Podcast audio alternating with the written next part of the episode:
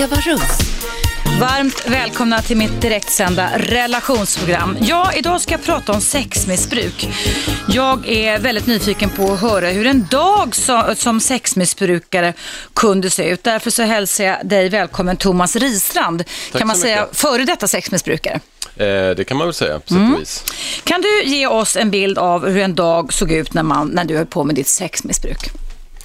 Eh, eftersom det är en progressiv sjukdom så har det sett olika ut. Men när det var som värst mot slutet när jag blev eh, påkommen sista gången så att säga och gick- gick in i min behandling. Så såg det väl ut så att jag hade eh, flera tjejer som jag träffade regelbundet. Som jag hade någon slags relation med så att säga. Så att jag vaknade morgonen och eh, hade en brutal ångest, Mm. eh, hjärtklappning Så, så, så såg ditt uppvaknande Ja. ut alltså? Mm. i stort sett varje dag. Mm. Eh, om jag inte var i allt för mycket förnekande, men oftast var det ångest. Mm. Eh, och började med att försöka få kontakt med en eller flera av de tjejer som jag hade tillgång till så att säga. Genom att ringa eller smsa Ja, eller så, precis. direkt på morgonen? Ja, precis. Mm. Och bara den, den em, interaktionen gjorde att jag fick en slags trygghet. Att det fanns någon där som kunde får- bekräfta mig. Mm. Och får jag fråga en sak då? Då levde du i en, i en stadig parrelation. Ja, det har jag i stort sett alltid gjort. Så att, så att var var din partner någonstans då, då när du började söka andra partners? Ja, på toaletten eller bredvid mig. Okej. Ja. Ja. det fanns inga hämningar på det Det fanns inga häm- hämningar på det? Ja, berätta vidare. Eh, såg till att eh, liksom trigga igång mig själv med att, att eh, komma in i en, i en maktkänsla. Som det, det är ju det det handlar om på något sätt. Att, att få en kontroll över livet. Och när jag känner att den här personen som jag kommer att träffa några timmar senare så eh, att, att jag känner att jag har kontroll över henne, att hon vill ha mig, att jag får den här bekräftelsen, att jag kan börja styra henne. Mm. Så att, att det är egentligen det som är den stora kicken, att fram till att vi faktiskt ses. Men då hade du redan haft kanske både närhet och sex med din stadiga partner kan man säga, som du levde Mm, absolut. tillsammans med. Hur hänger det här ihop? Eh, ja, precisera frågan. Hur det hänger ihop. Nej, jag, bara, jag tänker att, att eh, upplevde du inte då att du hade kontroll över livet med din partner som du levde med? Att eh, partnern som jag levde med, Mm. det, det gick ut på att, att jag ska försöka gentemot henne vara så bra som möjligt, så som jag tror att hon vill att jag ska vara. Mm. Eh, så att jag försöker läsa av henne och se att hon är nöjd. Du har, fått anpa- alltså, du har levt i någon slags Ja, anpassningsmod kan man säga. Ja. Och det här andra modet då att träffa andra kvinnor, det var Mm. då mer ma- makt, säger du, mer kontroll, alltså för en egen del. Ja, Okej. precis. okej. Och eh, när man pratar då en, om en dag i en sexmissbrukares liv, Thomas, Mm. hur mycket sex, hur många kontakter kunde du ha under en dag, eller ett dygn om man säger så? Det gick, det gick väl lite i skov kan man säga. Mm. Att, eh, det, det hände ju att, att jag var trogen så att säga under flera år ibland. Så att Mm. det gick, det var olika olika perioder. Men när det var som värst så dopade jag mig dessutom så att jag hade en, en eh, tio gånger högre testosteronhalt i kroppen Mm. som gjorde att jag kunde ha sex. Mm. Mm. Eh, så att jag kunde ju ha sex kanske tre, fyra gånger på en dag. Var det med då olika partners, eller var det Ja. någon skillnad på om det var med samma eller med olika? Eller? Hel, helst olika. Helst ska det vara olika, Om, så om du kan... säga, för att, att ge beroendepersonligheten vad den Mm. behöver Mm. så ska det vara så stor kick som möjligt. Okej, så då ska man sprida ut den så att säga? Ja. precis. Okej. Du, under hur många år um, höll du på med sexmissbruk då? Mellan tummen och pekfingret? Eh, jag upptäckte väl sex när jag kanske var åtta, nio år eller något sånt där. Mm. Och då kom jag ihåg att, att jag kände att det här, oj, det här är någonting. Mm. Och det är genom onani då som Ja, man gör, pojk, Ja. både pojkar och flickor Ja, gör alltså? Ja. exakt. Att det var belönande och ångestdämpande? Och jag kommer ihåg hur jag längtade redan från den dagen fram till att jag förstod att när jag är tonåring så kommer jag kunna träffa en tjej jag var tillsammans med. Okej. Så man kan nästan säga, det du beskriver Thomas, att det blev någon slags eh, förväntan och besatthet redan ganska tidigt för dig. Ja. Tror att det är skillnad på dig och an, alltså andra? Du har ju varit sexmissbrukare och vi pratade om det innan också, om du fortfarande är det, fast avhållit dig i beteenden. Ja. Men, men, i, Jag är inte avhållit, men ja. ja, men, men jag tänker att man kan man kan, eh, gör inte pojkar det då? Tänker inte pojkar väldigt mycket mer på sex än vad tjejer gör? Eh, nej. Inte? Nej. nej. Det är en föreställning vi har alltså? Ja, eller eh, så här att, att pojkar tänker på sex på kanske ett lite annat sätt än, mm. vad kvinnor gör. Okej. Okay. Mm. Idag är du 49 eh, år, så det, det, kan man lätt säga att 40 år av besatthet eller beroende är ja. väldigt, väldigt, väldigt lång tid. Mm. Eh, vad fick det för konsekvenser för ditt liv då? Alltså jag tänker, du levde i en familj, du har barn nu som är vuxna och så vidare, du har en mm. partner. Vad, vad hände när, när du var så här besatt av detta? Det som hände var ju att jag trodde att, att jag var en bra pappa eftersom jag gjorde allt för att, att ge dem vad jag trodde att de behövde. Mm. Jag trodde att jag var en bra partner därför jag gav henne vad, vad jag trodde mm. att hon behövde. Men jag upptäckte ju så småningom då i, i att när allting kraschade att mm. så var det ju inte. Därför var... jag var ju inte delaktig i, i mina relationer. Och vad var det som gjorde att det kraschade, att du blev avslöjad då? Som eh, sexmissbrukare? Det var min partner som kände på sig att nu är något som är galet och krävde att få se min Facebook och mail och MSN och mm. ja, alla olika okay. forum mm. som jag var på. Mm. Och vad, vad, hur blev reaktionerna då? Eh, reaktionen blev att hon blev väldigt chockad, väldigt ledsen, väldigt arg och sa att om du inte eh, gör någonting åt det här och går i behandling, för mm. hon visste att det fanns behandling. Mm. Om du inte gör det så är det slut. Mm. Och det blev väl på något sätt en väckarklocka för mig när jag kände att, att hon kommer att stanna kvar om jag faktiskt gör någonting. Mm. Hur många år ungefär är det här sedan, Thomas? Eh, sex, sju år sedan. Någonting sånt. Mm.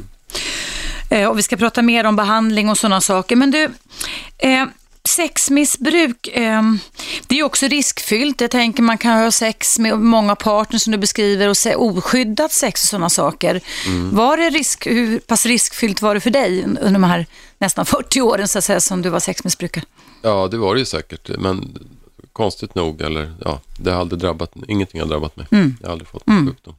Och du sa också det då att du ibland kunde ha perioder när du inte missbrukade sex. Mm. Vad var skillnaden mellan en period när du hade det och missbrukade sex och när du inte hade det? Vad var skillnaden i dig eller din livssituation som gjorde att det blev en avhållsamhet eller en överkonsumtion?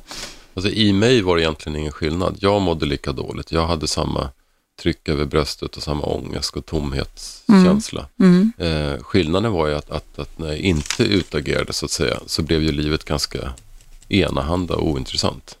Medan när jag utagerar så har jag i alla fall en värld jag kan gå till där det är mm. otroligt spännande och mm. innehållsrikt. Så att det här att leva med en slags kronisk, kan man säga, ångest och oro, det, ja. det är, är det då en ingrediens när man pratar om, om just sexmissbruk? Ja, det är, det, det är det som är drivet. Alltså det, orsaken till det är en intimitetsstörning. Mm. Jag är inte mig själv intim och inte någon annan heller. Mm. Och det hittar jag på ett låtsasliv där jag har kontrollen. Okej. Okay. Mm. Eh, du har ju haft, eh, kan man väl säga på ett sätt, nytta av detta eftersom du också kunnat omsätta det till både en bok som kom ut för två år sedan drygt, eller ett och ett halvt, Casanova-syndromet som mm. handlar om det här. Ja, och också att du eh, har utbildat dig till addiktolog, heter det. Ja, precis. Berätta lite kort, vi ska ta alldeles strax ta en paus, men berätta vad det är för någonting, addiktolog. Addiktolog är läran om bindningar som det heter, alltså hur, hur beroenden fungerar. Mm. Men vi människor är beroende av himla massa saker. Mm. Att förstå hur det hänger ihop och varför. Och mm. När blir det destruktivt? Och. Mm.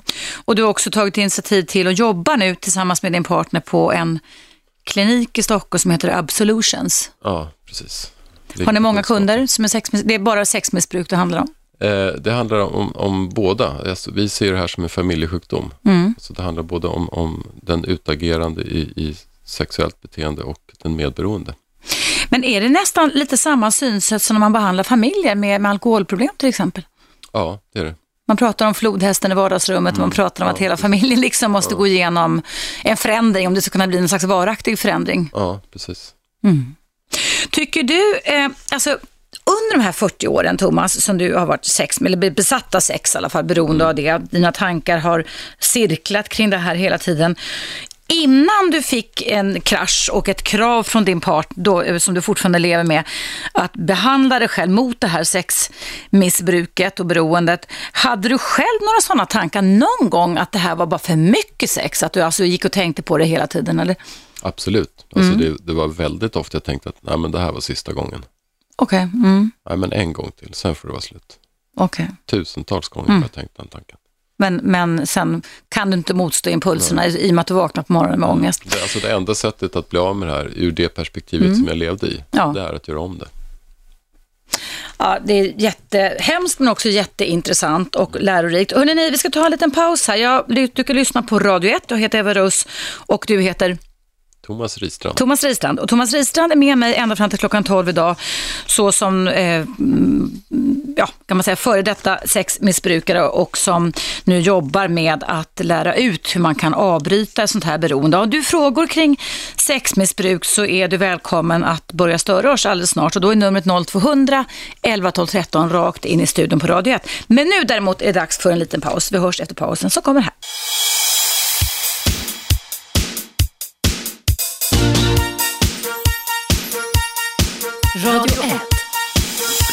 Eva Russ. Varmt välkomna tillbaka ska ni vara. Idag pratar jag om sexmissbruk och jag har Thomas Ristrand här som skrev en bok som heter Casanova-syndromet för drygt två år sedan och som har varit sexmissbrukare i 40 års tid. Och Thomas, är man, alltså, när man pratar om den här typen av missbruk, är man sexmissbrukare eller är man före detta sexmissbrukare när man har lyckats bryta beroendet som du har gjort för ungefär sex år sedan? Mm. Ja, men det, det är en relevant fråga.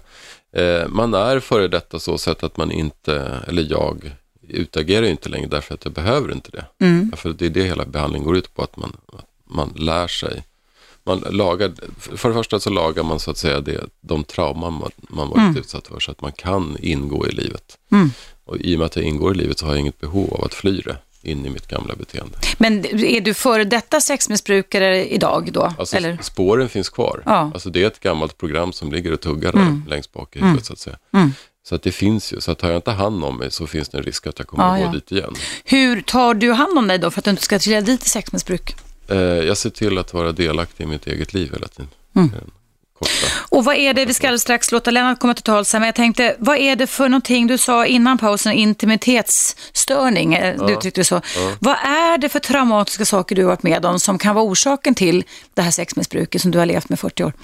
Eh, ja, det är massor, det, alltså, det är mm. väldigt komplext, men jag hade en, en mor som var i, i långa stunder deprimerad och oförmögen att ta hand om sig själv och såklart oförmögen att ta hand om mig då. Mm. Och oförmögen att se mig och se mina behov. Mm. Och det blev att jag fick anpassa mig för att hon skulle ha det bra så att hon skulle ta hand om mig. Bara andra till lags helt enkelt. Precis, mm. och då började jag tappa bort mig själv och vem jag är. Och mm. där började så att säga mitt medberoende att ta mm. hand om henne. Och när det blir såna här omvända roller under barndomen så sätter mm. ju det sina spår. Jag talar ju om anknytningsmönster, jag vet inte ja, om du precis. pratar om sånt också Thomas? Eller? Ja.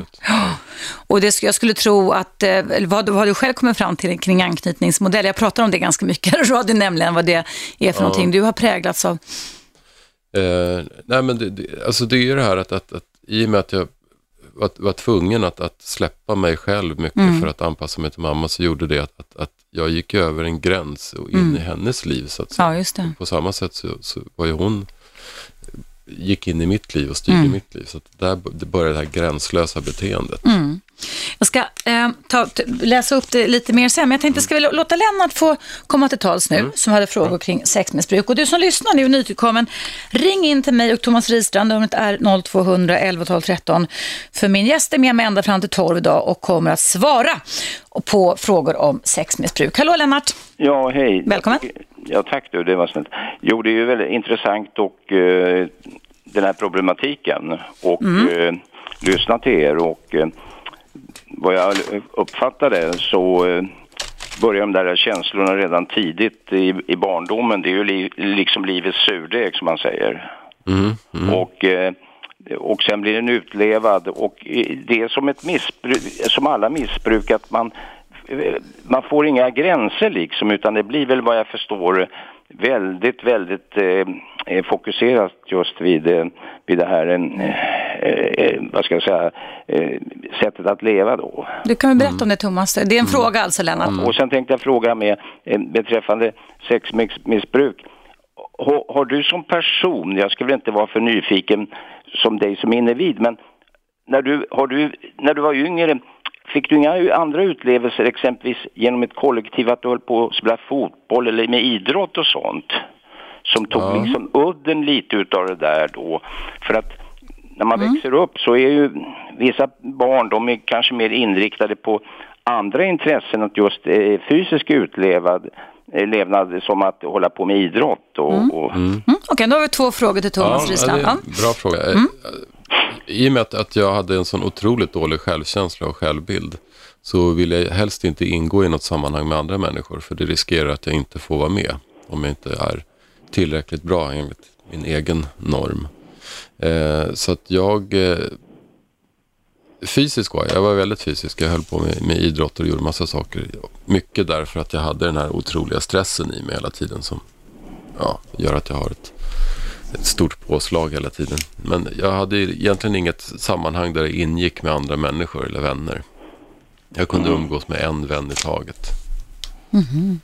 då kan det ju vara lite knepigt att eh, liksom oftast är det ju så att när man är barn så är man ju liksom ett litet kollektiv ibland så där man kan hitta på olika lekar och sånt va. Och är man väldigt eh, ensam barn, då kan det ju vara svårt att företa sig något. Då kanske man får också, det kanske liksom stipulerar en viss ångest sådär också utav att man blir isolerad med.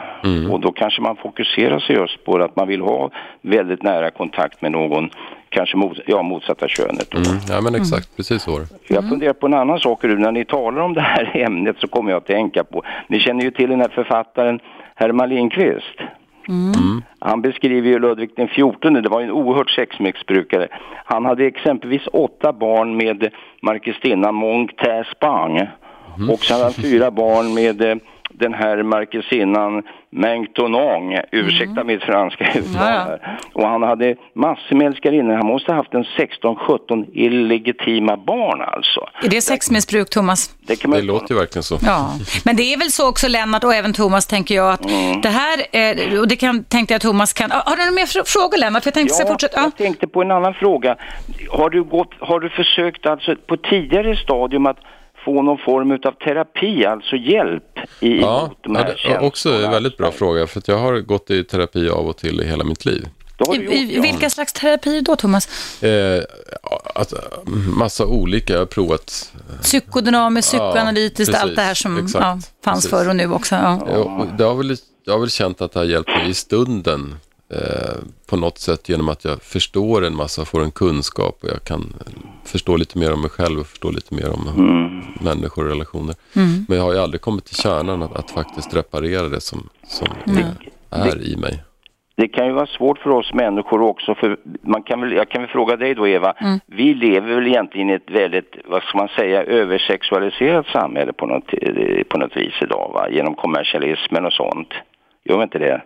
Mm. Och på olika, eh, och jag menar, är inte vi människor tillfreds med vår egen så att säga att uppnå vår harmoni så söker man alltid någon, vad ska man kalla det för, något substitut för någonting för att känna väl, välmåga, kan man inte säga så? Så kan det vara. Men i Thomas fall så handlar det ju om ja, barndomen, en traumatisk barndom precis. där han menar, det är ju livets surdeg. Där han fick, alltså. där det blev omvända roller så att säga. För Han blev förälder åt sin mamma och, och fick inte den här känslomässiga intimiteten som alla barn behöver, som jag försöker trumma in alla lyssnare. Det är så väldigt viktigt Jo, här. Ja. Men då får jag önska dig Ja. Thomas lycka till, att, att det ska gå bra. Tack Lennart. Tack. Tack. Tack Lennart, hej det så bra Eva. Ja, Hej då. hej hej.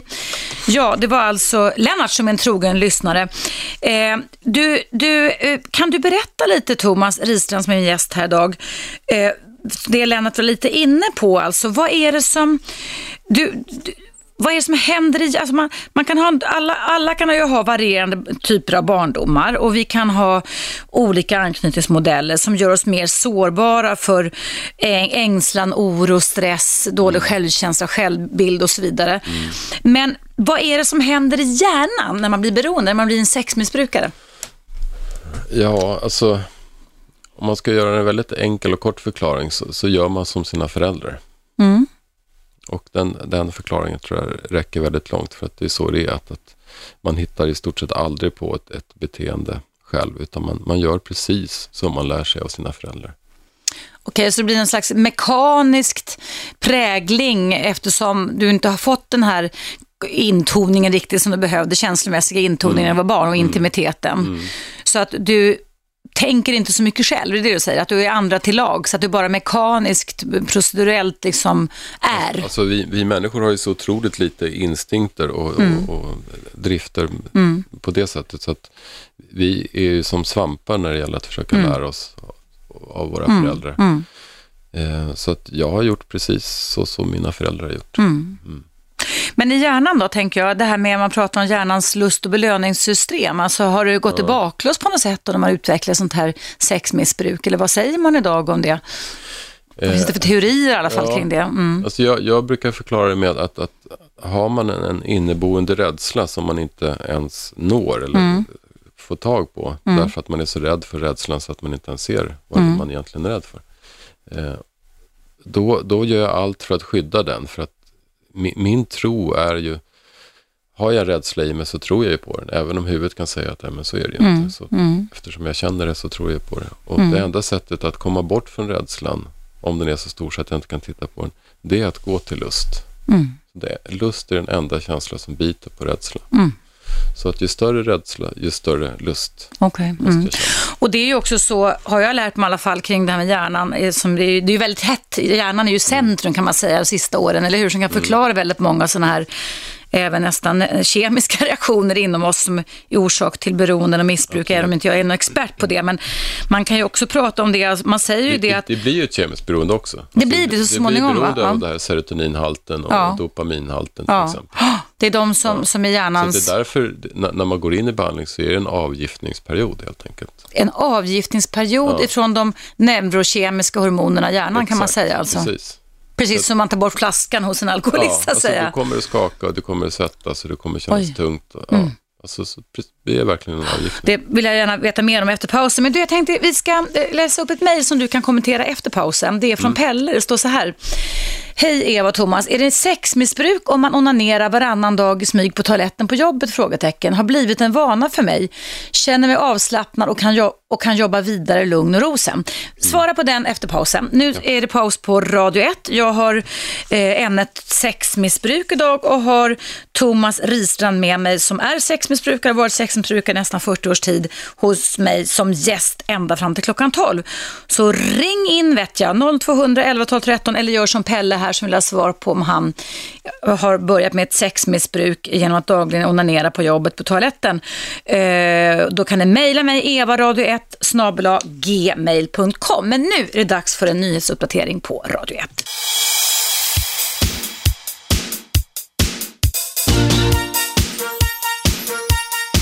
Radio 1.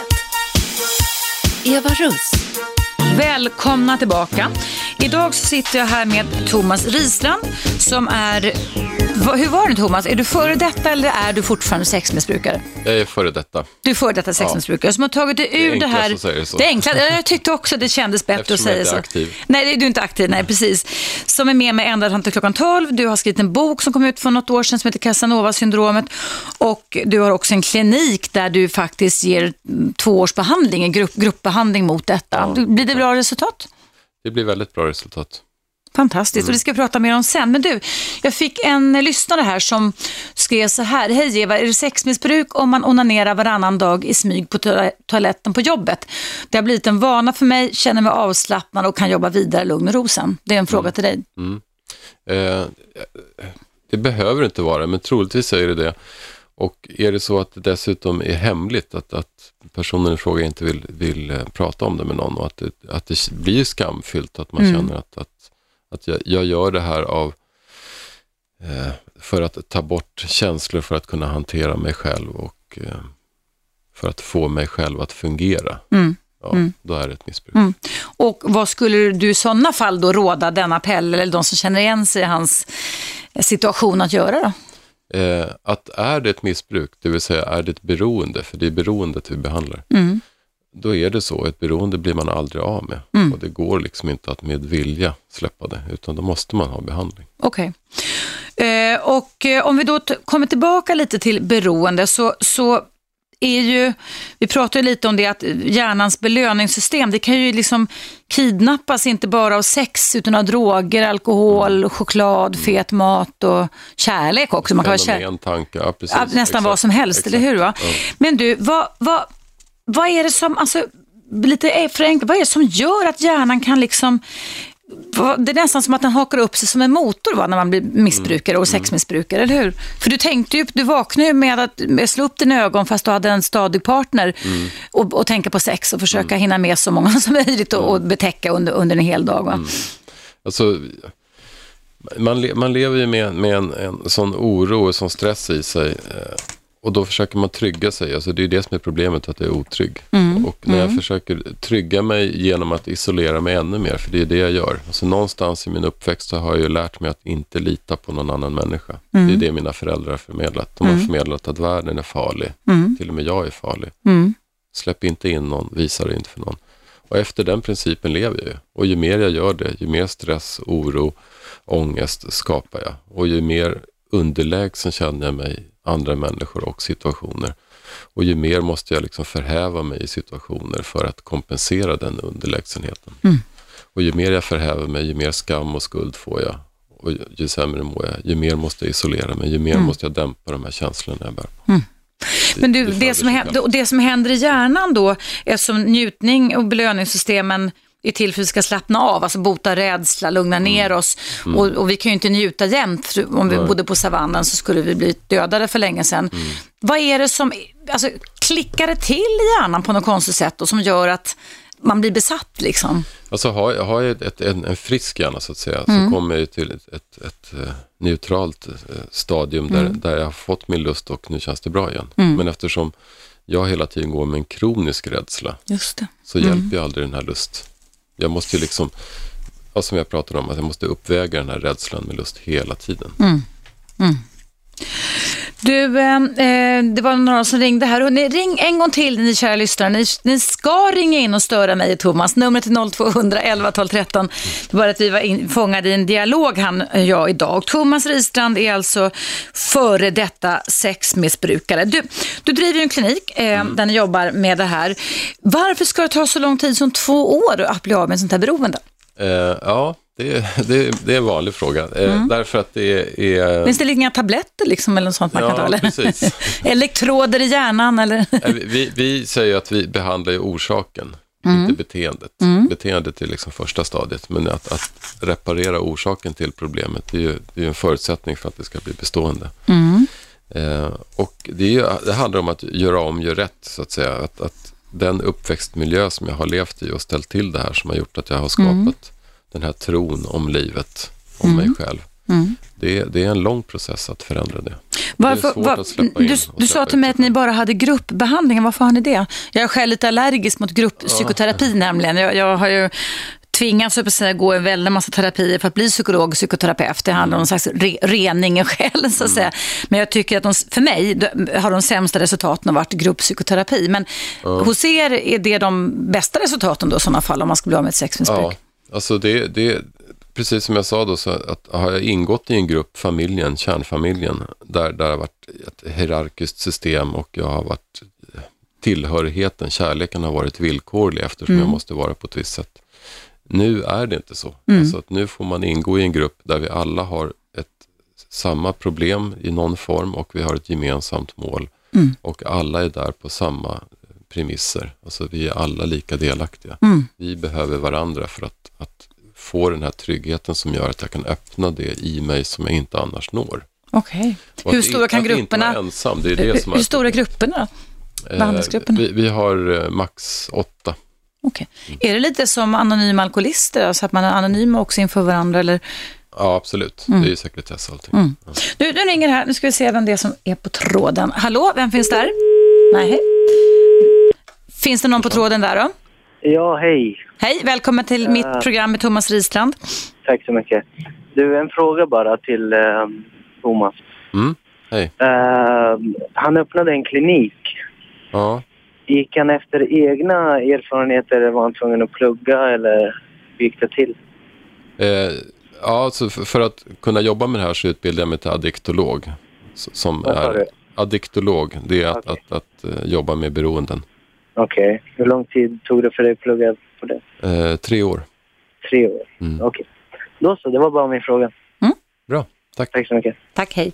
Hej. Och den här utbildningen addiktolog, Thomas, som du nämnde eh, för lyssnarna här, det, är det amerikansk modell du pratar om för addiktolog? Det låter det, för jag har faktiskt inte hört det namnet förut heller. Väldigt mycket hämtat ifrån USA därför Mm. att där har, har problemet eh, varit synligt. Ända sedan 79 har man liksom jobbat med, Mm. specifikt med sexberoende. Så att mycket hämtat därifrån. Ja, ja. Är det många addiktologer i Sverige? Har någon aning om det? Eh, 240 eller något Så pass mycket? Ja. Finns det även någon Men Det är förening ganska få för som jobbar med, med sex. Ja, vad, vad kan man jobba med? Alltså, Alltså, är- alla typer av beroende. Ja, det är alla typer av beroende. Men du, spelberoende är väl, och internetberoende är väl Ja. nya diagnoser Ja, som kommer precis. också. Och det är samma mekanismer i hjärnan, men, eller kan man utveckla ett spelberoende och haft en bra barndom? Nej, kan man inte. Det kan man inte. Sticka ut hakan. Nej. Okej, så att man skulle kunna säga då innan pausen, Thomas Ristrand, som är en gäst idag, att beroende när det blir så här, alltså ex obsessiv, alltså när man blir riktigt så här kring sex, kring kanske alkohol, kring drog, kring spel eller två, så. Jag, jag vill bara Mm. förtydliga det, att, att, att det handlar inte om att jag haft en dålig barndom, Mm. utan det handlar om att den på något sätt har begränsat det lilla barnet. Barnet har inte fått ge Mm. uttryck för den som den faktiskt är. Nej. Så att mina föräldrar kan ha älskat mig hur mycket som helst, som mina föräldrar har gjort till Mm. Men de har inte haft förmågan att uppfatta mig. Nej. De varit, Det är föräldrarnas för omvårdnadsprogram som inte har riktigt funkat. Där de Ja, själva är precis. lost och präglade av vad de har upplevt, Exakt. eller hur? Från sina uppväxter och så vidare. Och du brukar ju också säga här att vi ska inte leta fel hos dem. Vi får acceptera att så här var det. De gjorde så gott de kunde, men de visste inte att det blev, att det blev tokigt, va? eller hur? Nej, precis. För er. De var väldigt välvilliga Ja, men, men skulle man kunna säga då att människor, att en stor del av människor som fastnar i olika typer av missbruk, att det kan finnas en korrelation, en ganska tydlig röd tråd Mm. med känslomässig intimitet och intoning under barndomen. Ja, absolut. Mm. Och då är vi överens där, för det har jag tyckt, eh, trott, men jag har inte vågat säga det i Ja, raden. Men jag tänker, när du nu är här som addiktolog-expert på det så är det lika bra. Du, eh, det är dags för oss med en liten paus. Det kommer med jämna mellanrum. Och du som lyssnar och är nytillkommen lyssnare, eh, jag har Thomas Ristrand här, för det- detta sexmissbrukare. Han har berättat här hur en dag som sexmissbrukare så kunde se ut. Om du vill ställa frågor till honom som har med det här att göra, ring in 0200 11 12 13. Nu är det dags för en paus. Du lyssnar på Radio 1.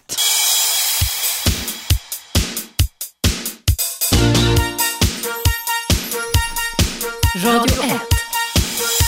Eva Russ. Varmt välkomna tillbaka ska ni vara. I dagens program som är direktsänt så har jag en gäst som heter Thomas Ristrand här. Hur känns det Thomas här långt? Det känns jättebra. Ja, vad roligt. Det är väldigt kul att ha dig som gäst här tycker jag. Roligt att vara här. Eh, Du är också här ända fram till klockan 12 eftersom du är före detta sexmissbrukare. Mm. Dina tankar har präglats av eh, längtan efter sex sedan du var liten pojke. Mm.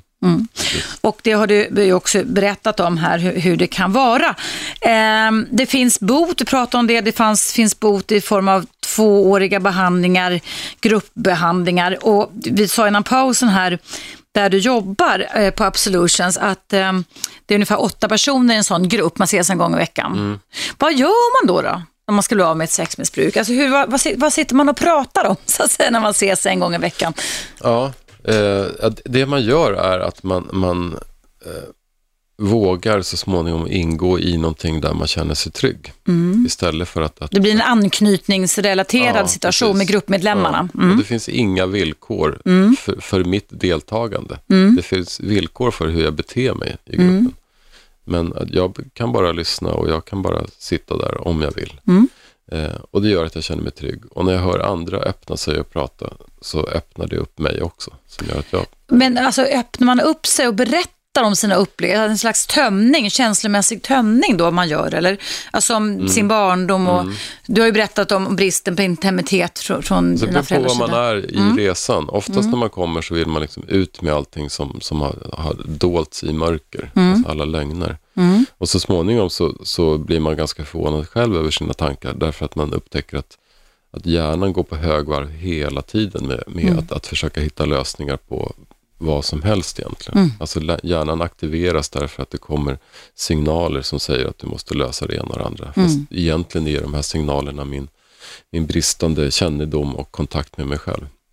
Så att vad man gör i gruppen är mycket att bara ut med det som ligger närmast i sinnet. Va, vad får du för effekt? Eftersom jag själv är negativ, inte till, till er behandling, men till den gamla gruppterapin jag själv tvingades gå igenom då för 25 år sedan eller 30 år sedan.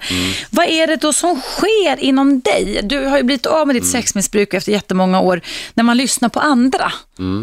Alltså det, det vad det handlar om det är att, att jag måste respektera och acceptera mig precis där jag är för att kunna få en förändring. För att jag går omkring och känner att jag har en st- stor skamkänsla för att jag är fel och för att jag är dålig och jag bara gör samma sak hela tiden. För det gör man om man har ett beroende. Eh, genom att prata om det och acceptera att "Ja, men nu är det så här och det är här jag är. Då kan det bli en förändring. Jag möter mig själv precis där jag är och jag blir bekräftad av andra i, i den sitsen. Och där Och- börjar resan. Och, och går man också hem och grunnar på vad man hört andra i den här gruppbehandlingen Absolut. som är sexmissbrukare också berättar om? Ja, Alltså, ja. Alltså insikter och tankar och förståelse trillar ner hela Ja, ja. tiden. Är det, är det något mer, alltså nu du ska inte gå in i detalj och berätta om den här tvåårsbehandlingen tänker jag, men får man, jag är ju KBT-terapeut och där jobbar man ju mycket med verktyg, eller hur? Ja, Alltså för, för, gör vi också gör ni parallellt. också det också? Vad, vad kan det till exempel vara? Du berättade ju tidigare då att en typisk dag i ditt liv när du var sexmissbrukare kunde bestå av att så fort som du vaknade och hade, kä- kände du oro och ångest, kronisk oro och då blev du nästan besatt av att försöka ringa in, eh, få kontakt med så många tjejer som möjligt. Som du sen verkställde och hade sex med också. Ja. I, I bästa fall då ur det perspektivet. Mm. Ja. Hur, hur, vad får man för verktyg mot sånt? Förutom det du redan har beskrivit tänker jag, att man lyssnar, att man blir accepterad, att man känner sig trygg och, och sedd och så vidare. Alltså, egentligen så handlar det inte så mycket om att, att, att få verktyg, utan i och med att, jag är, när jag är i mitt beroende så är jag så isolerad så att jag är oförmögen att uppfatta Mm. vad som händer. Utan jag blir kidnappad av den här tanken att henne måste jag ha till exempel. Mm. Och genom att, att prata med andra och att, att lära sig att kommunicera med sig själv så kan jag på något sätt spela filmen. Mm. Att nu när jag står framför den här tjejen och tänker följa med henne, hur kommer den här filmen att sluta? Vad kommer hända om en timme? Mm. Man kan se konsekvenserna Man ser lite av... konsekvensen, men är det verkligen det här jag behöver? Okej, och då börjar man man, stannar liksom upp lite lite, ja. Mm. helikopterperspektiv över mig själv. Ja. Men du, jag tänker på dina skuld och skamkänslor under tiden som du var sexmissbrukare. Hur, hade du några eller vad gjorde du av dem? Thomas? Eh, det enda jag kunde göra, det var att utagera igen. Jag försökte fly dem hela tiden. Så ju mer skam och skuldkänslor du fick, desto mer måste du agera ut det. Ja, En väl, fångad i en väldigt negativ loop kan man säga. precis. Jag tänker också att i och med att du levde i en parrelation under alla, du har levt i flera parrelationer, lä- längre Ja. Mm. parrelationer kanske. Eh, det måste ju tagit mycket energi, dels att ha mycket sex varje dag, eller när du var i de perioderna, Mm. men också att kunna mörka spåren. Hur, hur, hur gick det till? Hur gjorde du då? Ja, man blir världsmästare på det man håller på med. Mm. Det tar otroligt mycket kraft och energi som jag så småningom förstod att, att det gjorde. Det gör man ju inte riktigt när man är i det, för man Mm. är så uppslukad av det. Men det slutar ju med att jag hamnar på hjärtintensiven och På hjärtintensiven? ja, jag var så stressad och eh, dopade mig dessutom. Jag dopade mig jättemycket så att jag var alldeles... Eh, kroppen var helt slutkörd. Var det ett sätt att få mer testos- testosteron så du kunde vara mer Casanova och mer sexmissbrukare? Ja, eller? Mm. en, en del var ju det. En annan del var ju att, att skapa en, en identitet, en person som, som jag ville vara. Mm. Den som jag trodde att jag skulle vara. Blev du... Min, min känsla att jag, den riktiga, egentliga jag, är ju en liten skit. Okej. Så att jag måste ju skapa en, en Mm. Ja, ja. person som är Var det då kraftfull. väldigt alltså, muskulärt uppblåst då tack vare den här dopingen också? Eller? Ja, I kroppen alltså? Ja. Ja. Okej. Är det vanligt att man kan göra så, kompensera med även den typen av hormoner? Ja, jag såg någonstans nu att det är ungefär 200 000 i Sverige som dopar sig. Oj. Mm. Och då kan man fundera lite kanske vad som ligger bakom deras skal, eller Ja, hur? och, och konsekvensen av att dopa sig gör att man blir mycket mer sexuellt aktiv också. Så att vare sig man har ett, ett sexberoende eller inte så skapar man det så att säga. Fast jag trodde att, att för mycket doping för herrar inte minst ledde till att man fick problem med sexdriften emellanåt, eller? Ja, när jag slutade så försvann den ju helt.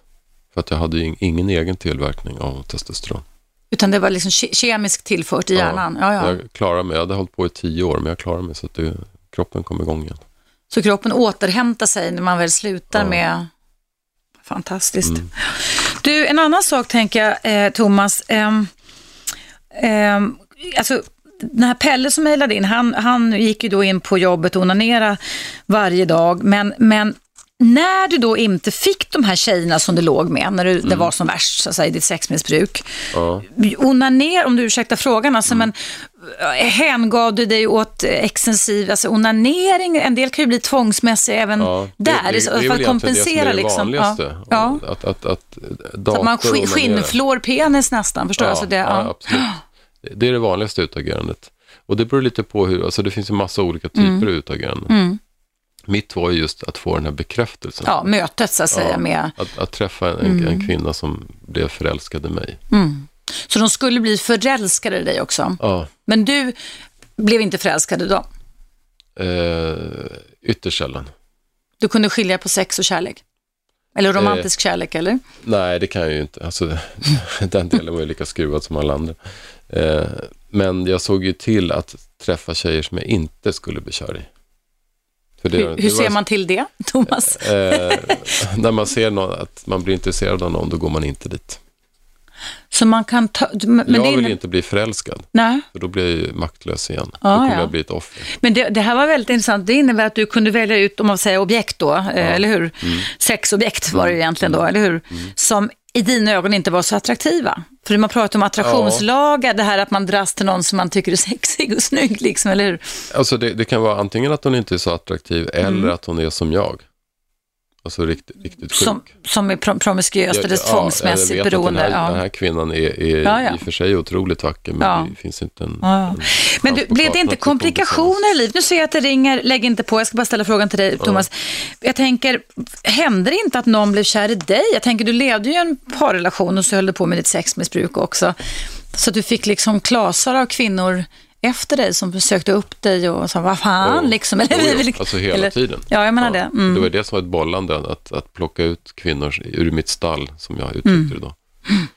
Att försöka avmanövrera dem. Och ha ett någon slags kartotek då för att kunna Mm. hålla ordning på det.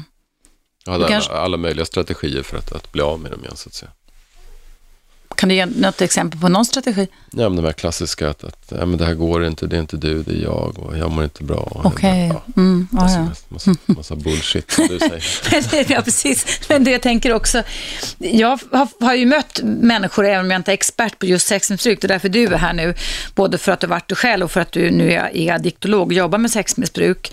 Men, men eh, är det inte också så att, nu tappade jag tråden här, att ehm, Nej, nu tappade jag tråden. Nu kommer jag inte ihåg vad jag skulle säga kring det. Men eh, den som ringde då, försvann den? Ja, ja, den försvann. Precis. Ni, vi ska säga till er som ringer att lägg inte på. För att jag är, sköter växlar, jag sköter samtal Mm. med Thomas och jag sköter reklamknappar. Så att om, det, om, det, om ni låter många signaler gå vidare så lägg inte på. För vi vill ta gärna emot samtal här. För Thomas Ristrand som är min gäst idag, författare till Casanova-syndromet, före detta sexmissbrukare, bjussar på sig själv och ställer frågor. Se där var det någon som tog ringsignalen igen. Hallå, finns det någon på tråden? Ja, hej Irene. Hej, välkommen, vad bra. Hej, Irene. Tack. Eh, hej båda två. Eh, jag- vill bara börja med att säga, när du säger lägg inte på. Alltså, eh, för mig i alla fall i min telefon så är det så att jag kopplas automatiskt bort efter ett visst antal, hur många det nu är, kanske 10-12 signaler. Sen är, så att är det någonting jag verkligen vill säga så får jag ringa och ringa och ringa och vara strategisk och ta tiden jättejobbigt. Okej, ja. Ja, Du det, det var det. Jo, jag, jag vill bara... Det här handlar inte riktigt om, direkt om miss, sexmissbruk. Men jag har reagerat länge på det som ni, Thomas, sa och du kanske höll med tror jag, att eh, det är ingen skillnad. Kvinnor har samma sexualdrift i samma styrka som män. Nu pratar jag inte om missbruk direkt utan överhuvudtaget. Och det där stämmer inte anser jag. Och jag tror att man... Hur anser du att det är då? Eller hur? Ja, Irene? alltså att män har en mycket starkare, rent generellt en mycket starkare sexualdrift än vad kvinnor generellt har. Sen kan det kanske variera och gå i vågor. Jag anser att man, eh, att man lurar, jag tänker mest på unga kvinnor som är osäkra. Eh, att tro, kvinnor att tro att eh, det är någon sorts missriktad eh, jämlikhetsiver att "Ja, vi, ni är precis lika, det, det är samma sak, det är ingen skillnad. Jag lyssnade på P3 för, nu är det ett par år sedan, jag blev så illa berörd, en ung flicka som intervjuades av andra tjejer som berättade, flickan berättade stolt att hon, hon drog hem killar två, tre, fyra gånger i veckan på one night stand. Och hon var liksom stolt över det. Och jag, Skulle man kalla, vänta, vänta då. Skulle Mm. man kalla det för missbruk, Thomas, om man gör så?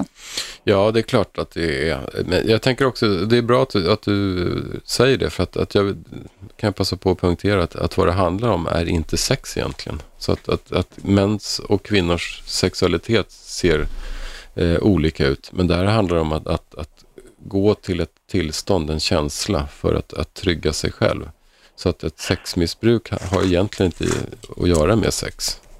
Nej, nej jag, tror jag, jag tror jag har fattat det. Jag, Mm. jag ville bara, jag bara nappade på det där som ni sa, som alla inom citattecken säger. Mm. Alla säger att nej men det är ingen skillnad. Och på något sätt så säger man det i välmening, eh, sexualdriften, för man, vill, man känner att man på något sätt nedvärderar kvinnor. Man säger nej men ni är ju inte lika eh, kåta som vi. Det kan man inte säga, utan nej det är samma. Det är inte det. Och jag tror att det får med sig tråkiga konsekvenser som till exempel för den här flickan. Jag tror inte hon var sexmissbrukare, hon var Fast du hörde ju att Thomas tyckte nog att, om vi nu spekulerar kring det, att, det- hon, är, hon var det. Okej, ja, ja. Hon, ja. hon Ja, missbrukar det. sex om hon är beroende. Hon, hon missbrukar sex och, och det gör hon, men precis, men om hon är beroende, eller utvecklat ett beroende snarare, det vet vi inte riktigt än. Nej, men just det här, jag, jag har på min arbetsplats, jag känner igen det där med en manlig arbetskamrat som försvann in på toaletten fyra, fem, sex, sju gånger per arbetspass.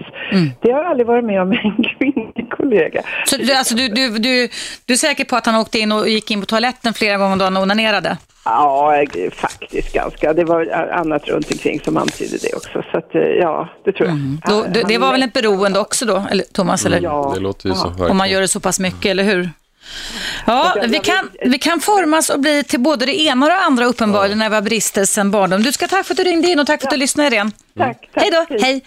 Och kära lyssnare, jag fortsätter mitt samtal här med Thomas Ristrand en timme till. Du lyssnar på Radio 1 och vi pratar om sexmissbruk. Ring in om du har frågor kring detta. Du har en riktig expert här, en före detta sexmissbrukare, som kan ge dig råd om hur det är, vad det är och vad du kan göra. Numret är 0200 11 12 13. Men nu är det dags för den eh, regelbundna nyhetsuppdateringen på Radio 1.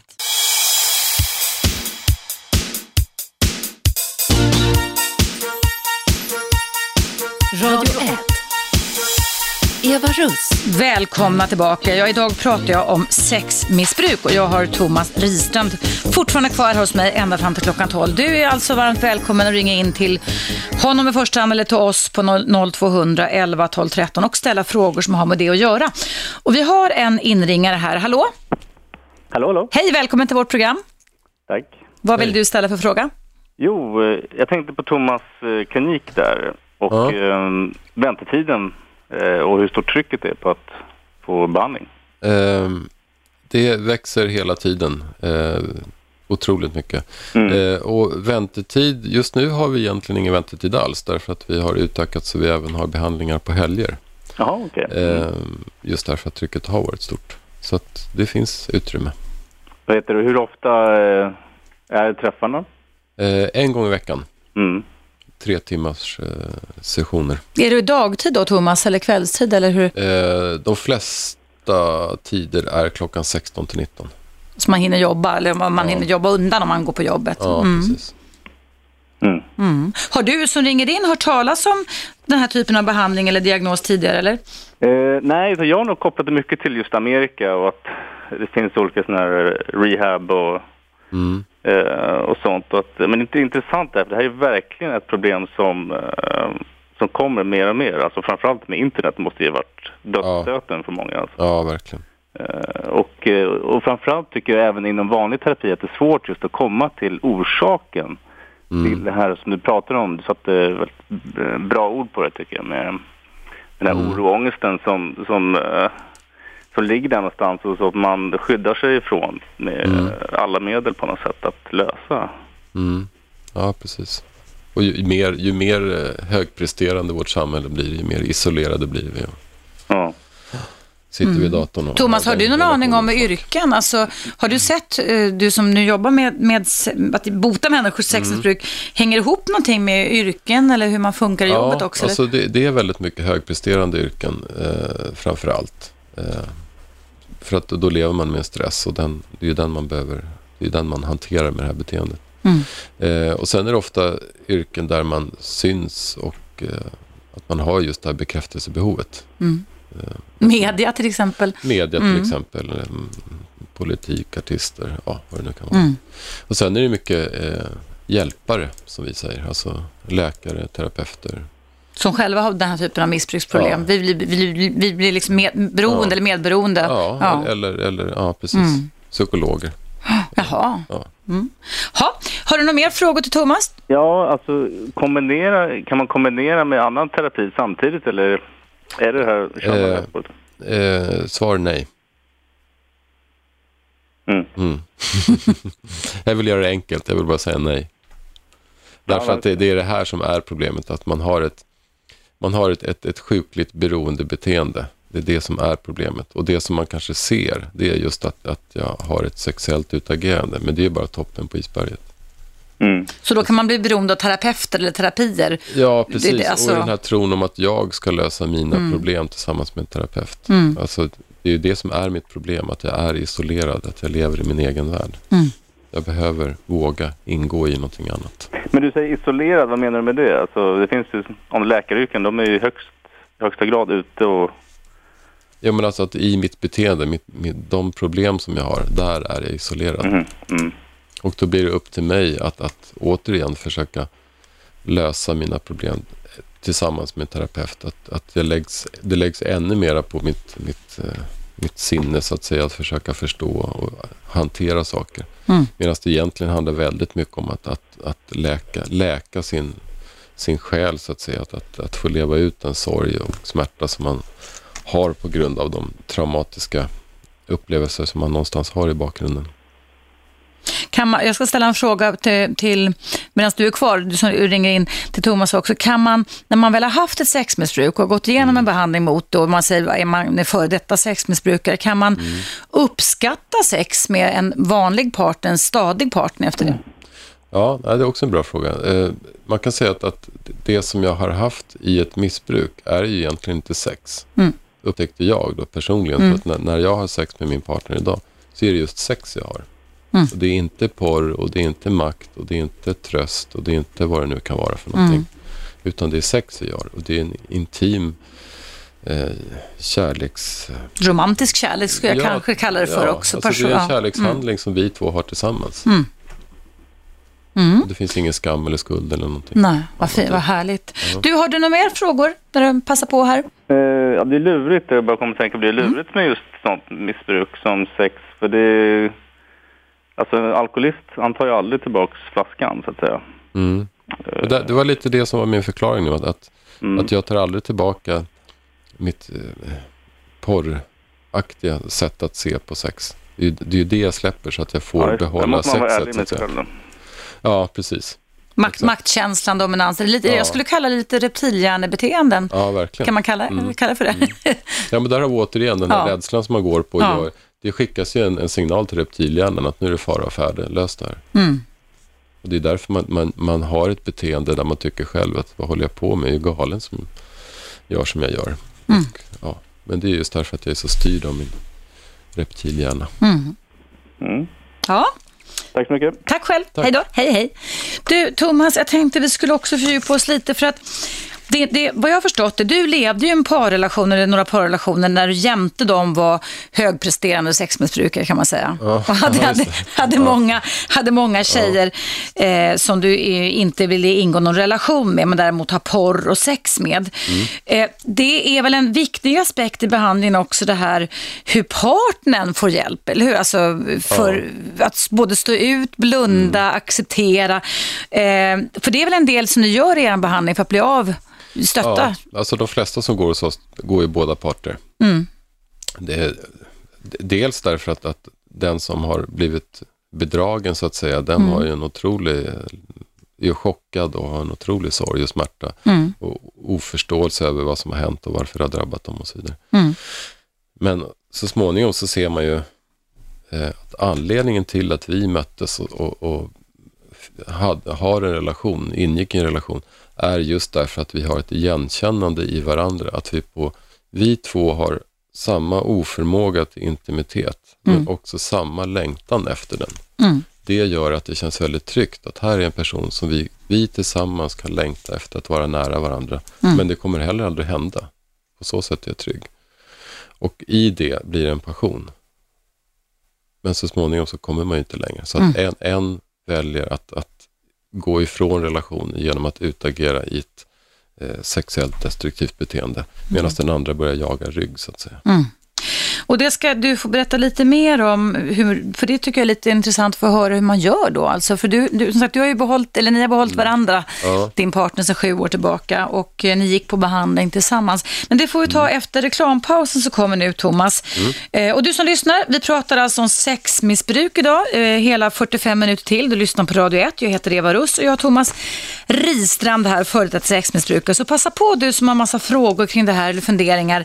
Ingen fråga eh, är konstig för varken Thomas eller mig, eller hur? Nej. Nej. 0200 11 12 13. Vi hörs efter pausen som kommer här.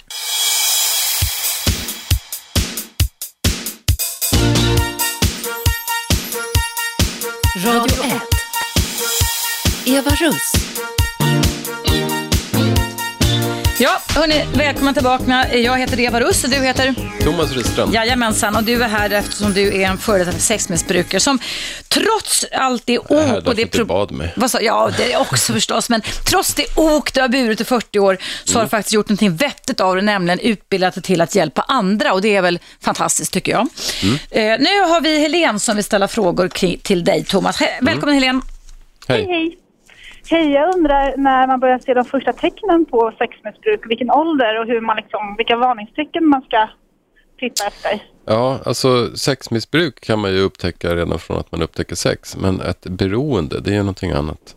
Det är något Eh, annat, ja. Ja, och det, det tar några år att utveckla det. Så att Ja. eh, det vanliga är att man kanske är, är runt 19, 20, 21 där någonstans innan man har utvecklat Okej. det. Kan det komma redan nere vid liksom 16 års ålder? Ja, du kan ju ha precis samma destruktiva beteende. Ja. Det, det är bra om du kan ta tag i det då innan det blir ett, ett, ett beroende så att säga. Det går snabbare att ta sig. Mm. Eh, och sen undrar jag, vad... Eh, alltså det är lite mer sådär att... Eh, vad är skill... Liksom, hur ser du på... på um, är, pedof- är, pedofili också en sexmissbruk? Och liksom, hur hanterar man det i, en- i, Mm. Ja, på din klinik? Är liksom, när, har ni tystnadsplikt och hur liksom ser det ut att när man tror att folk ha, hamnar i Ja. skada? Alltså, det är lite sånt jag undrar. ja, ja, men bra fråga. Alltså, vi, vi gör så att, att vi har absolut tystnadsplikt gentemot våra klienter så länge de är våra klienter. Om Mm. vi märker att en person eh, lämnar oss eller fortsätter med det här destruktiva beteendet och in, inte vågar, kan öppna sig för oss och ta, ta del av behandlingen så att säga, Mm. Ja. då anmäler vi.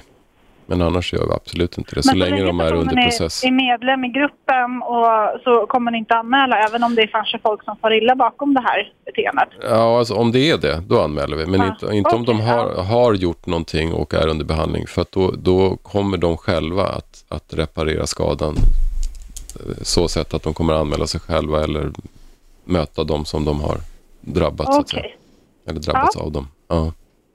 Okej, det var bara det jag ville fråga. Mm, Det var inte så lite Tack. bara det. Tack för att du lyssnade, tack för din din. Hej då. Hej. Du Thomas Rystrand, Mm. vi skulle prata lite om partnern, alltså partnern som blir beroende eller medberoende. Dels kan du väl berätta för våra lyssnare vad det är för någonting? Det är ju begrepp som ofta förekommer, eller hur? Ja, men precis. Eh, vi, vi brukar säga så att har man levt tillsammans med en beroende eh, person i två år så är man medberoende. Eh, och jag skulle vilja säga att är ganska sällan man inte är medberoende även om man eh, precis har träffats. Just därför att det är det som gör att man träffas. En, en icke medberoende person är inte intresserad av en, en annan människa som inte är fullt tillgänglig så att säga. Eftersom jag, jag är fullt tillgänglig för mig själv och andra så jag är inte intresserad av den här personen som jag på något sätt märker eh, är dold på något sätt. Och, och kan du beskriva, bara lite kort, om det är möjligt Thomas, hur ett medberoende kan se ut liksom, när det gäller sexmissbruk? Ja, eh, man, alltså ett, ett medberoende är att vara i kontroll eller smärta eller sensation. Och Det betyder att, att i en relation så är en medberoende person eh, har väldigt fokus på att, att bära ansvaret för relationen.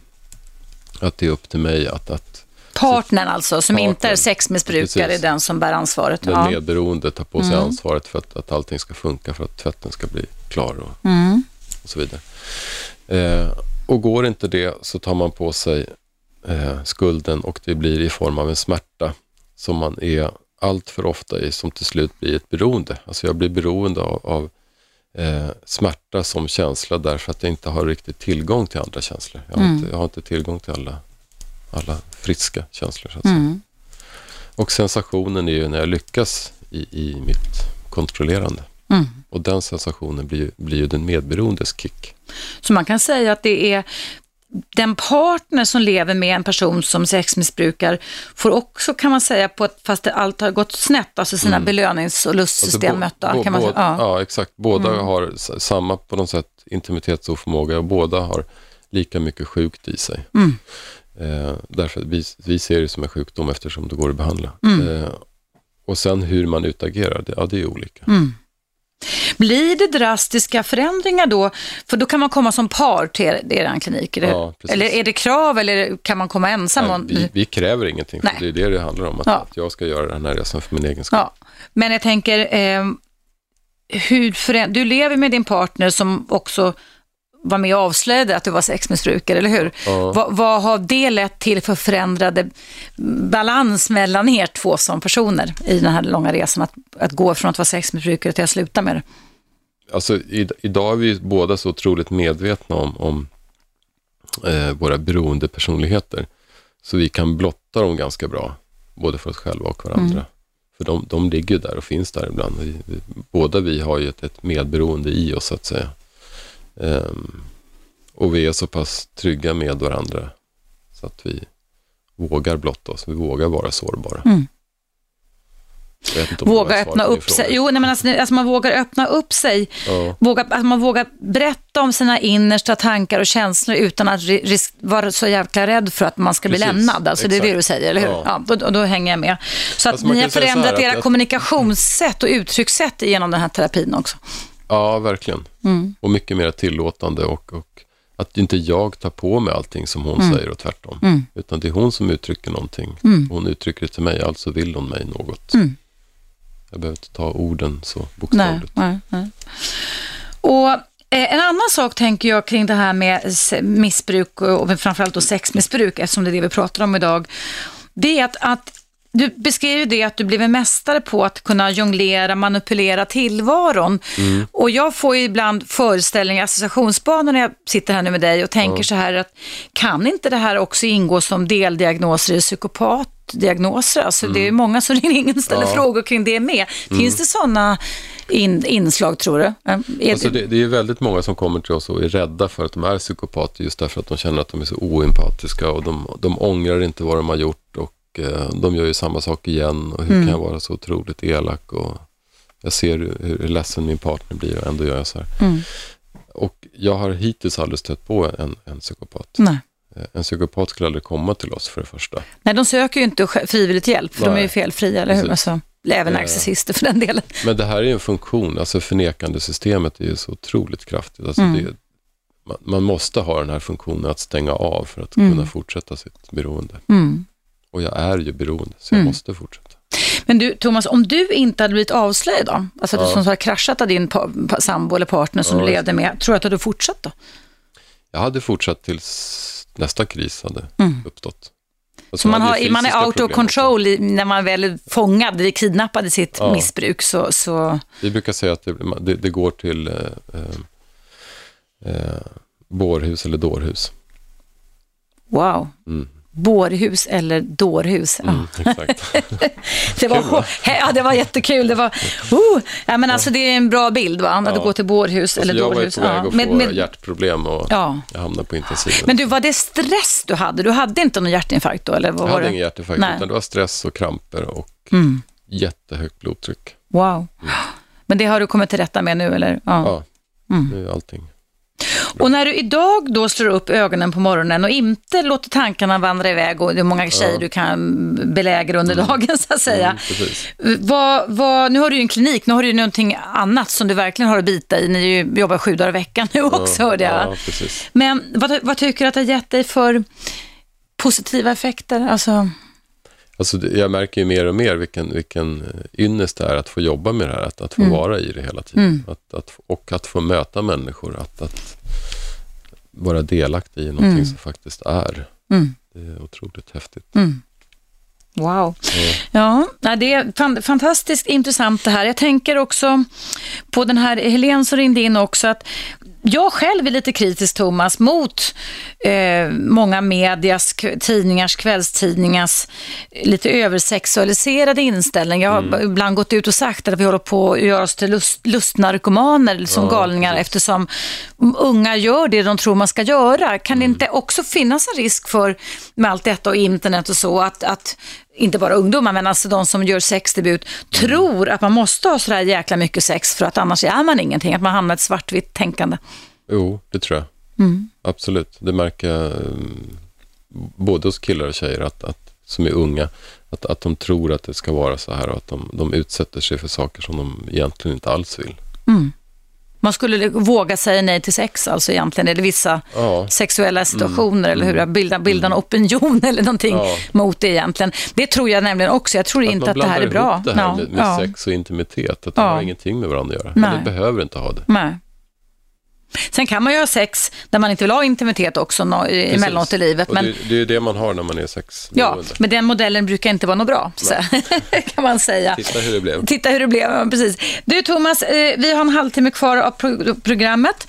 Eh, vi pratar alltså om sexmissbruk. Eh, ni som lyssnar, där ringer en inringare. Ska se om vi hinner höra vad du vill prata om innan pausen. Hallå? Hallå? Ja, hej, det är Tina här. Hej Tina, välkommen. Eh, jag tänkte fråga så här att eh, en liten genusvariant, hur mycket tjejer och mycket killar, kvinnor har han Ja, kliniken. ja det är väl en jätteintressant fråga. procenten? Ja, du, då får vi ta den frågan och svaret efter pausen. Vill du hänga kvar eller räcker det med att Thomas... Det beror, det beror på hur länge man ska hänga och dänga här. Tre minuter ungefär. Hur mycket? Tre minuter. Ja, jag ska försöka Prova, prova, annars jag så tar vi- flera frågor, okej? Okej, det- då hänger du kvar. Toppen. hänger kvar. Hej, hej, hej. Ja, då vet ni det att efter pausen så kommer min gäst Thomas Ristrand att besvara flera frågor ifrån Tina, men en av dem var alltså om det finns någon genusaspekt Ja. eller statistik på sexmissbruk. Så vill du lyssna på hans svar så tycker jag, eller vi, att ni ska stanna kvar, eller hur? Absolut. Efter pausen så kommer det här.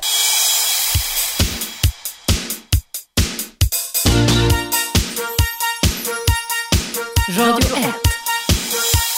Eva Russ. Välkomna tillbaka ska ni vara. Jag sitter här med Thomas Ristrand som eh, dels har skrivit en bok för något år sedan som heter Casanova-syndromet som har en klinik där han jobbar här i Stockholm mot, med sexmissbrukare.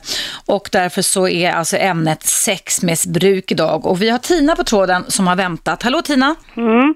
Välkommen! Jo, hej, hej. Hej. Eh, det var det här med genus som jag undrade hur mycket kvinnor, om han kan se lite Ja, procentuellt. det. Ja. Eh, man brukar säga att generellt så är det ungefär 60 eh, procent män och 40 procent kvinnor. Och sen så, jag, jag tar det lite punkt för punkt för att det här Ja. ställde ut väldigt enormt. Ah, det är så här också att eh, dels skulle jag vilja fråga, nätet det är ju åt helsike med alla unga människor nu, det är ingen som har kontroll på någonting. Och sen Mm. så tänkte jag, vad har du för synpunkt på det här? Fråga Olle, han har plockat in lite nätskrot och där verkar de ju helt. Fråga Olle, Olle-dokumentären ja. Ja, ja. som jag själv har medverkat i. Jag tycker att det är skräp därför att det är spekulativt och Ja. de som gör programmet. Men det är ju otäckt för att ja, men det, är ju, det är ju människor som tror att de får kunskaper om de tittar. Det är ju sjuka människor hela vägen. Ja, visst. Och även, de som driver också, programmet. Du tycker också det. Ja, absolut. Jag tänkte, men varför går det här ut i tvn? Och vad... Och jag tycker också det Tina, för som psykolog och psykoterapeut så vänder sig min mage. Jag tittar på de där programmen därför jag tycker att de här människorna alla är, skulle behöva gå i behandling. Alltså. men det, det är jättesynd om dem och de utnyttjas av tv på detta sätt. men fy så hemskt. Och av Olle, jag menar, han verkar tappa helt bort Men han är inte psykoterapeut, han, han är för gammal, han har inte den kunskapen tror jag. Nej men därför ska han ju absolut inte vara Nej. där då. då. Ja. Han är självberoende. Ah, han kanske, ja. Ja, I alla precis. fall, eh, då, då, och sen ska vi, hur mycket kostar det en, en timme eller två eller hur, hur gör ni? Kan Försäkringskassan gå in och hjälpa till? Eller? Eh, Försäkringskassan hjälper inte till för att det inte är diagnostiserat som ett, en sjukdom än. Aj, aj. Det blir den först tidigast nästa år. Eh, och det kostar från 600 till 900 per samtal. Som en psykoterapitimme ungefär. Ja, Alltså. ja, precis. Men, men, En timme eller? Ja, ja. precis. men vänta, vänta, vänta, jag ska fråga Thomas en sak. Men det, det finns väl också i landstingets regi Mm. nu lite mer dysberoende kliniker? Finns det även för sexmissbrukare? Ja, de, de har ju någonting som de kallar för hypersexualitet som de behandlar. Va? Hypersexualitet, Ja. är det samma sak som sexmissbruk? Ja, säger de, säger Ja. inte jag. Okej, nej. Därför att deras fokus är att det handlar om sex. Landsting, ja här känner någon. Eh, Men då så skulle jag också säga bara så här att den kvinnliga eh, sexmissbrukaren då hon kan ju hamna i både prostitution och eh, porrindustrin. Mm. Eh, håller du med om det eller bara en utkast jag kände att det Ja, väldigt, visst, det kan hända absolut. det kan hända. Jag, jag tror att det är en stark korrelation, Tina, hos de stackars tjejer, mm. Puma Swede och alla andra som sätter på sig ett leende och säger det här har jag valt själva, det här är ett jätteroligt yrke, med vad de förtrycker och förtränger ner i känslor inombords. Ja, precis. Eller hur Thomas, tror du inte ja, det? Mm. Jo, absolut. Och då har vi ju alla som jobbar då i porrindustrin Mm. och sen alla som eh, eh, går eh, över med prostitution för då måste de ju knarka för att klara av Mm. det och hej och hå. Ja men det var eh, ett stort gäng sjuka stackars arma människor här, ja, ja. Ja Verkligen. men det är bra att du har åtminstone en klinik men det är lätt dyrt. Jag vet inte vad det är för människor som ska kunna betala det där. Eh, Men, det är eh, betydligt dyrare att inte gå i behandling. Vad sa du? Det är mycket dyrare att inte gå i Ja, jag tänkte att är det på liv och död så kanske man till och med avstår från maten då för att åtminstone starta upp. Ja, eller rättare sagt avstå från det här som det kostar att vara i ett beroende. Ja. För, det, för det är betydligt dyrare, visar det sig, ser man var- efteråt Var i kan man backspegeln. eh, leta upp eh, det här då, alltså eh, med telefon och adress och sådana saker? Ja, du kan hitta på vår hemsida, det är Ja, absolutions.se. skriva Absolution. .se. Eller så söker du på mitt namn, det går ju bra det också. Thomas Ristrand heter min gäst. Ris. Ristrand, ja. Strand. Mm. Och då finns det ett telefonnummer som man kan... Ja, Ja, det är bara att Okej. höra av sig. Ja Du är välkommen. det var lite kött på benen. Tack, tack. ja tack ska du ha, tack. Hej, hej, hej. Modigt, modigt program, program tycker jag. Hej. Tack ska du ha. Hej då, hej, hej. Vad bra, det är konkreta och bra frågor här. Du, varför säger du att det är sån skillnad på vad landstinget säger att det här är och, och, och det, det, din egen klinik? Alltså, du, du kallar för hyper, Hypersexualitet kallar de det för. hypersexualitet kallar landstinget det för. Och då är det en diagnos enligt DSM-4 alltså nästan, eller? Ja, den kommer in nästa år, Ja. är det sagt. Det är Okej. inte klart än, Nej. men det sägs så. Därför att de tittar ur ett med- medicinskt perspektiv. Och eh, så som vi anser att det är så, så finns det delar av den här problematiken där du inte kan titta på det ur ett medicinskt perspektiv. Och därför begränsar de sig. Och då, då blir det att de får se det som ett, en hypersexualitet. Skulle det inte kunna vara tänkbart, jag är inte någon läkare då, men, men att man skulle kunna ge piller mot det här då, så att man återställer hjärnans kemiska obalans också? det kan eller? man göra, men du, du dämpar ju någonting som tydligen finns.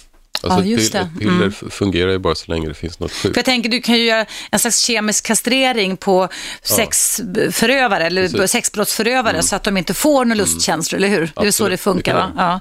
Men det är klart att då, då måste de ju äta det livet ut, eller hur? Det går inte att... Ja, hitta en balans det- däremellan, Man mår ju inget bra av det. Utan det, det finns ju någonting som driver mig till det här. Ja. Och det dämpar jag. Men jag menar, käka, dricka vatten och sex, det är de evolutionära överlevnadsdrifterna, Mm. Ja, eller hur? Ja. Och sen njuta också. Ja. Men vi ska inte njuta så vi blir missbrukare. Så Nej, vi, vi ska nj- njuta en lagom Men dos, det, kan man det är säga. väldigt njutningsfullt att få ingå i livet. Ja, men det är det ju verkligen också, eller hur?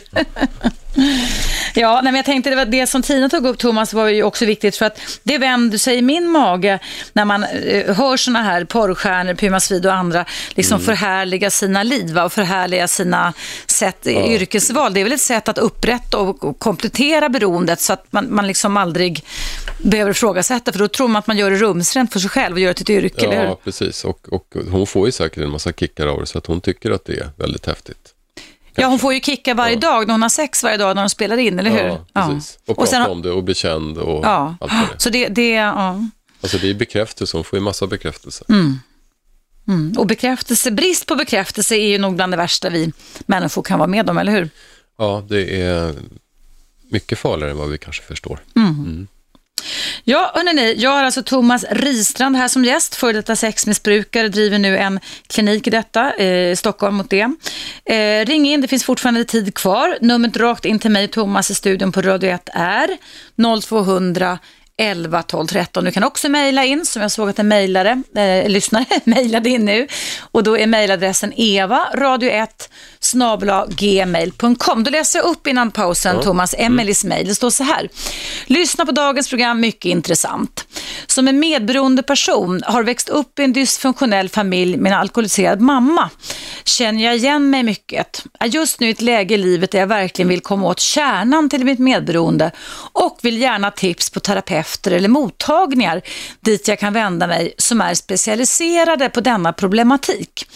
Alltså någonting motsvarande den behandling som Thomas talar om idag för sexmissbrukare men för medberoende.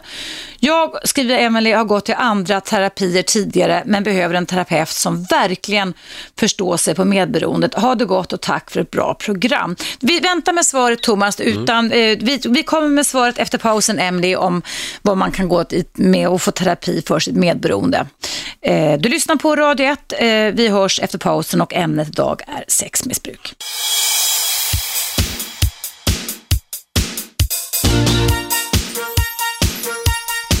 Radio 1. Eva Russ. Välkomna tillbaka. Idag pratar jag sexmissbruk tillsammans med Thomas Risstrand som, bara var, som, som har varit sexmissbrukare i närmare 40 års tid och som nu jobbar för att hjälpa både missbrukaren och den partner de eventuellt, lever med som är medberoende. Vi fick en fråga om det, terapi här, men jag ser att det ringer så jag tänkte vi ska svara Emily, tänkte Thomas, men jag ska höra vem det är som ringer också. Hallå, vem är på tråden? Ja, hej Eva. Hej, vad heter du? Ja, jag kallar mig för Supermamman. Supermamman kallar du för, det går jättebra. Har, du, har du någon fråga till Thomas? Ja, egentligen inte. Jag skulle egentligen bara vilja påpeka en sak när det gäller ungdomar och eh, sexattityder. Därför att jag har ju tre barn.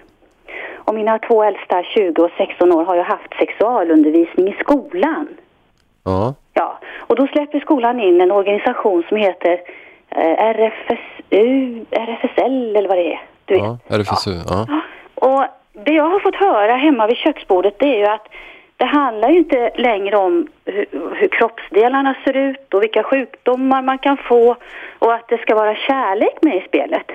ja okej. Utan det handlar om ett, att man ska ha sex på alla möjliga sätt och vis och allting är okej. Mm. Och, och sen har de använt ett exempel som, som ett argument för att det de säger är okej och det är att apor någonstans på jordens klot gör på det här viset. Mm.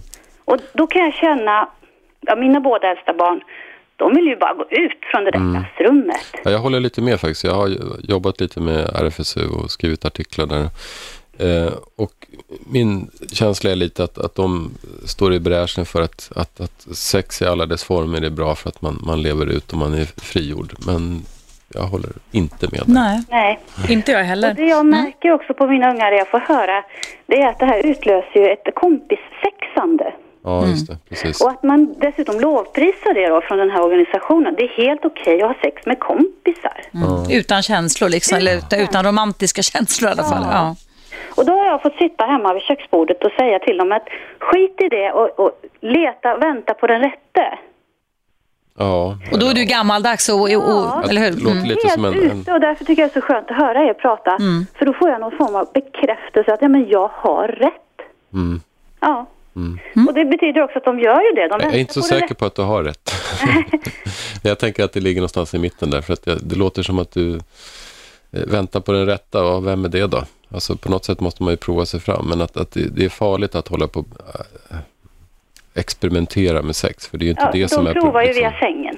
Ja, precis. De, Och de det, det är ju närhet och kärlek det handlar utan om. det blir ju tvärtom. Mm, mm, mm. Nej. Ja, jag, vi- där håller vi med dig båda två tror jag i alla fall. Tack så jättemycket för att du ringde in och ställde frågan. Hej. Tack. Jag tänkte, nu Thomas ska vi kommentera då Emelies mejl. Hon frågar ju då, hon har gått i terapier men behöver en terapeut som verkligen förstår sig på medberoende. Vad, vad kan det Ja. väcka för Alltså, hon Tankar säger ju inte riktigt vad, vad det är för me- medberoende alkoholis, al, alkohol handlar det Ja. om? Ja. Alltså det är ju så att, att har man ett, ett kemiskt beroende så har du ju eh, det är ju samma orsak. Alltså du har en intimitetsoförmåga som gör att du har ett kemiskt beroende. Och då har du också ett, ett, eh, ett, ett beroende som kanske yttrar sig i ett sexuellt beteende. Men du har ju en intimitetsstörning och det är ju det du behöver få hjälp med. Och det är det som är medberoendet. Mm. Så att hon kan absolut ta kontakt med oss och se om, eh, Absolutions, ja. ja, om det är rätt. Sen kan väl vissa, ehm, jag vet inte, alltså jag är ju KBT-psykoterapeut, men vi är ursprungligen då psykodynamisk psykolog, men eh, som är nästan utrotningshotade, eller vi finns inte längre, men i alla fall.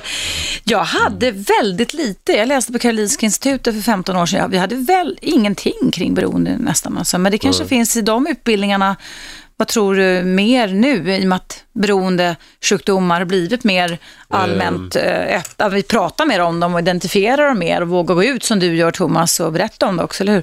Jag vet att psykolo- psykologutbildningen inte har speciellt mycket. Nej, fortfarande. Det är ju fortfarande. väldigt, väldigt märkligt. Ja. Va? Vi har ju psykologer som, som klienter och som är precis klara med sin utbildning och säger att nej, det här får vi inte lära oss någonting om. Som, som, får, som alltså går efter psykolog, en femårig psykologutbildning, Ja. går en två, tre, treårig utbildning.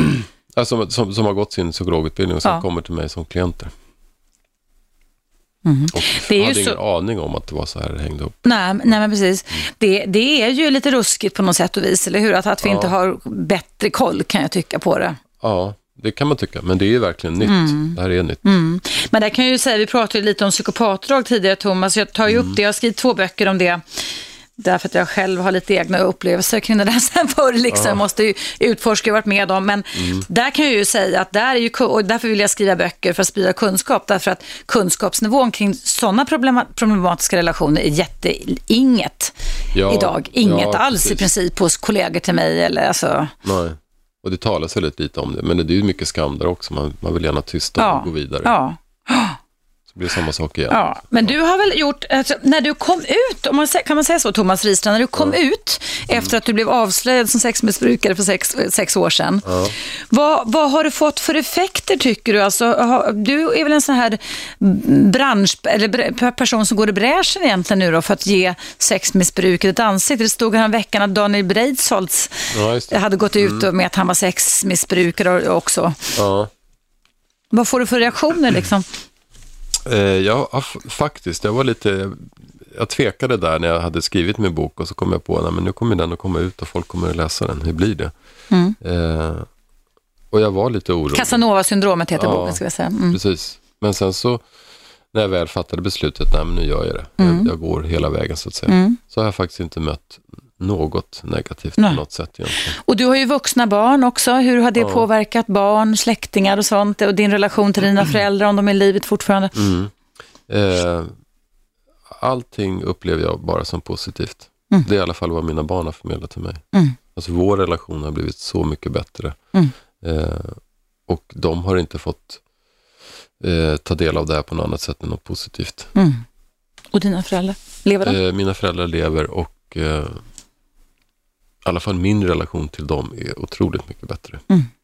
Så din, din inre förändring, om man säger så, ledde till en förbättring i era relationer som egentligen då från starten när du var liten pojke Ja, blev fel, blev knasiga alltså. ja precis. Ja. Vad härligt. Och det är också viktigt, för jag brukar säga i mitt program, Thomas, att vi kan vi måste acceptera, alltså vi, föräldrar gör så gott de kan. Det gjorde ju dina föräldrar med, eller hur? Ja, verkligen. Och det insåg jag när jag gick i min behandling. Mm. Men det har de ju faktiskt gjort. Ja, så att, att de- gör fel, vi gör fel. Eh, vi gör så gott de kan och vi är också präglade av våra egna uppväxter, våra egna känslomässiga modeller, våra egna sårbarheter. Och ibland blir det knasigt och ibland så räcker vi inte till och då kan det för ganska många faktiskt bli fel i den känslomässiga inlärningen i relationerna, intimitetsprogrammen, eller hur? Och det, det, det kan jag också passa på att- betona att, att problemet är egentligen inte mina bristande föräldrar utan problemet är att jag, jag fortfarande tror på det som jag upplevde som liten. Alltså att jag fortfarande bekräftar den lilla Thomas i mig själv, att, att så här är det. Och det är det som är mitt problem, att, att jag tror på vad den här lilla killen eh, upplevde. I KBT-terapi så pratar man om just att man behöver sätta namn på de olika modes eller sinnesstämningar som leder till att man tänker, känner och beter sig om man säger så. Ja. Och där pratar man ju då om den sårbara barnet, det ledsna barnet, det aggressiva barnet, eller hur? Mm. Ja. Var du en blandning av det då kan man säga, när du då hade den här bristen på intimitets, Ja, eh, närhet och intimitet? Ja. verkligen. Alltså, aggressivitet är också en stor del av det här. Många lider mycket av sin aggressivitet och det gjorde jag också. Mm, mm. Så vre- vrede är en Vrede. ganska stark Alltså, impuls. En, en konflikträdsla som, som gör att när, när det väl slår över så går det alldeles för långt. Mm. Men du har kommit in, och det- här är mina ord då, i det man säger hälsosamma vuxna. Healthy adult mode som man säger. Alltså, För det är det där du, du kan slappna av, vara dig själv. Ja. Det- Risk, det är inga risker längre med att du är dig själv, eller hur? Nej, precis. Och jag är inte heller rädd för mig Nej. själv att jag ska tappa, Mm. tappa greppet och Mm. ställa till det. Nej. Du, jag ska läsa upp ett jättekort mejl här, Mm. i det sista vi har, från Johanna. Det står så här, Hej Thomas, jag undrar om ni arbetar på något annat sätt än vad Dysberoendekliniken gör, eller om ni också är tvåstegsinspirerade. Kan du säga något om skillnaden om du känner till den. Tack, tack, tack för klargörande kring Fråga Olle. Jag har själv arbetat för RFSU för ett antal år sedan och ångrar nu denna allt är okej-propaganda Mm. som, är som i förlängningen tycks ha lett till den totala insiktslöshet och brist på problematisering som präglar bland annat det tv-programmet. Lite Mm. kort, vad säger du om Ja, det? men bra. Mm. Jag tror att han menar tolvstegsprincipen och inte två. Ja, det är precis det. Ja. Ja. Mm. Ehm, vi jobbar ganska lika, ska jag säga. Ehm, ja, alltså jag ska inte utveckla det mer för då blir det så långt. Mm. Men i princip så jobbar vi väldigt Mm. lika. Okej. Mm. Mm. Och hon tyckte det var bra att vi tog upp det här med Fråga Olle också här. Ja. Mm. Mm. Du Thomas, tiden rinner mot sitt slut. Det har varit fantastiskt tycker jag. Mm. Lärorikt och trevligt att ha dig här. Det var ju första gången du och jag träffas. Det finns säkert anledning för mig att komma tillbaka till dig. Jag är ju här varenda dag, Mm. eh, hela året runt. Det är bara att ringa så Ja, precis. Hur tycker du att vara var med i programmet idag? Jag tyckte det var jätteroligt. Mm. Jätteroligt och trevligt att få träffa dig. Mm. Och då kan vi också säga till er som har lyssnat och vill höra hela programmet i sin helhet. Klockan 19.00 ikväll så kan du höra programmet om sexmissbruk med Thomas Ristrand och mig här på Radio 1. Frekvensen 101,9 och mina program går alltid i repris varje vardag, måndag till fredag klockan 19.00. Men du kan ju när helst du vill, om du har laddat ner appen eller lyssnar via webben så kan du ju lyssna på program och där ligger då på vår Facebook-sida och Radio 1-sida mina program med teman upplagda så att om du liksom kommer in för sent och känner oj hoppsan nu missar jag någonting så kan du liksom gå in och kolla och se vad det är. Därmed så eh, sätter jag punkt för programmet. Tack alla ni som har lyssnat, tack alla ni som har ringt in och eh, tillsammans så gör vi det här programmet bara så bra som det någonsin kan bli. Tack för idag och på återhörande. 101,9 Radio 1. Sveriges nya pratradio.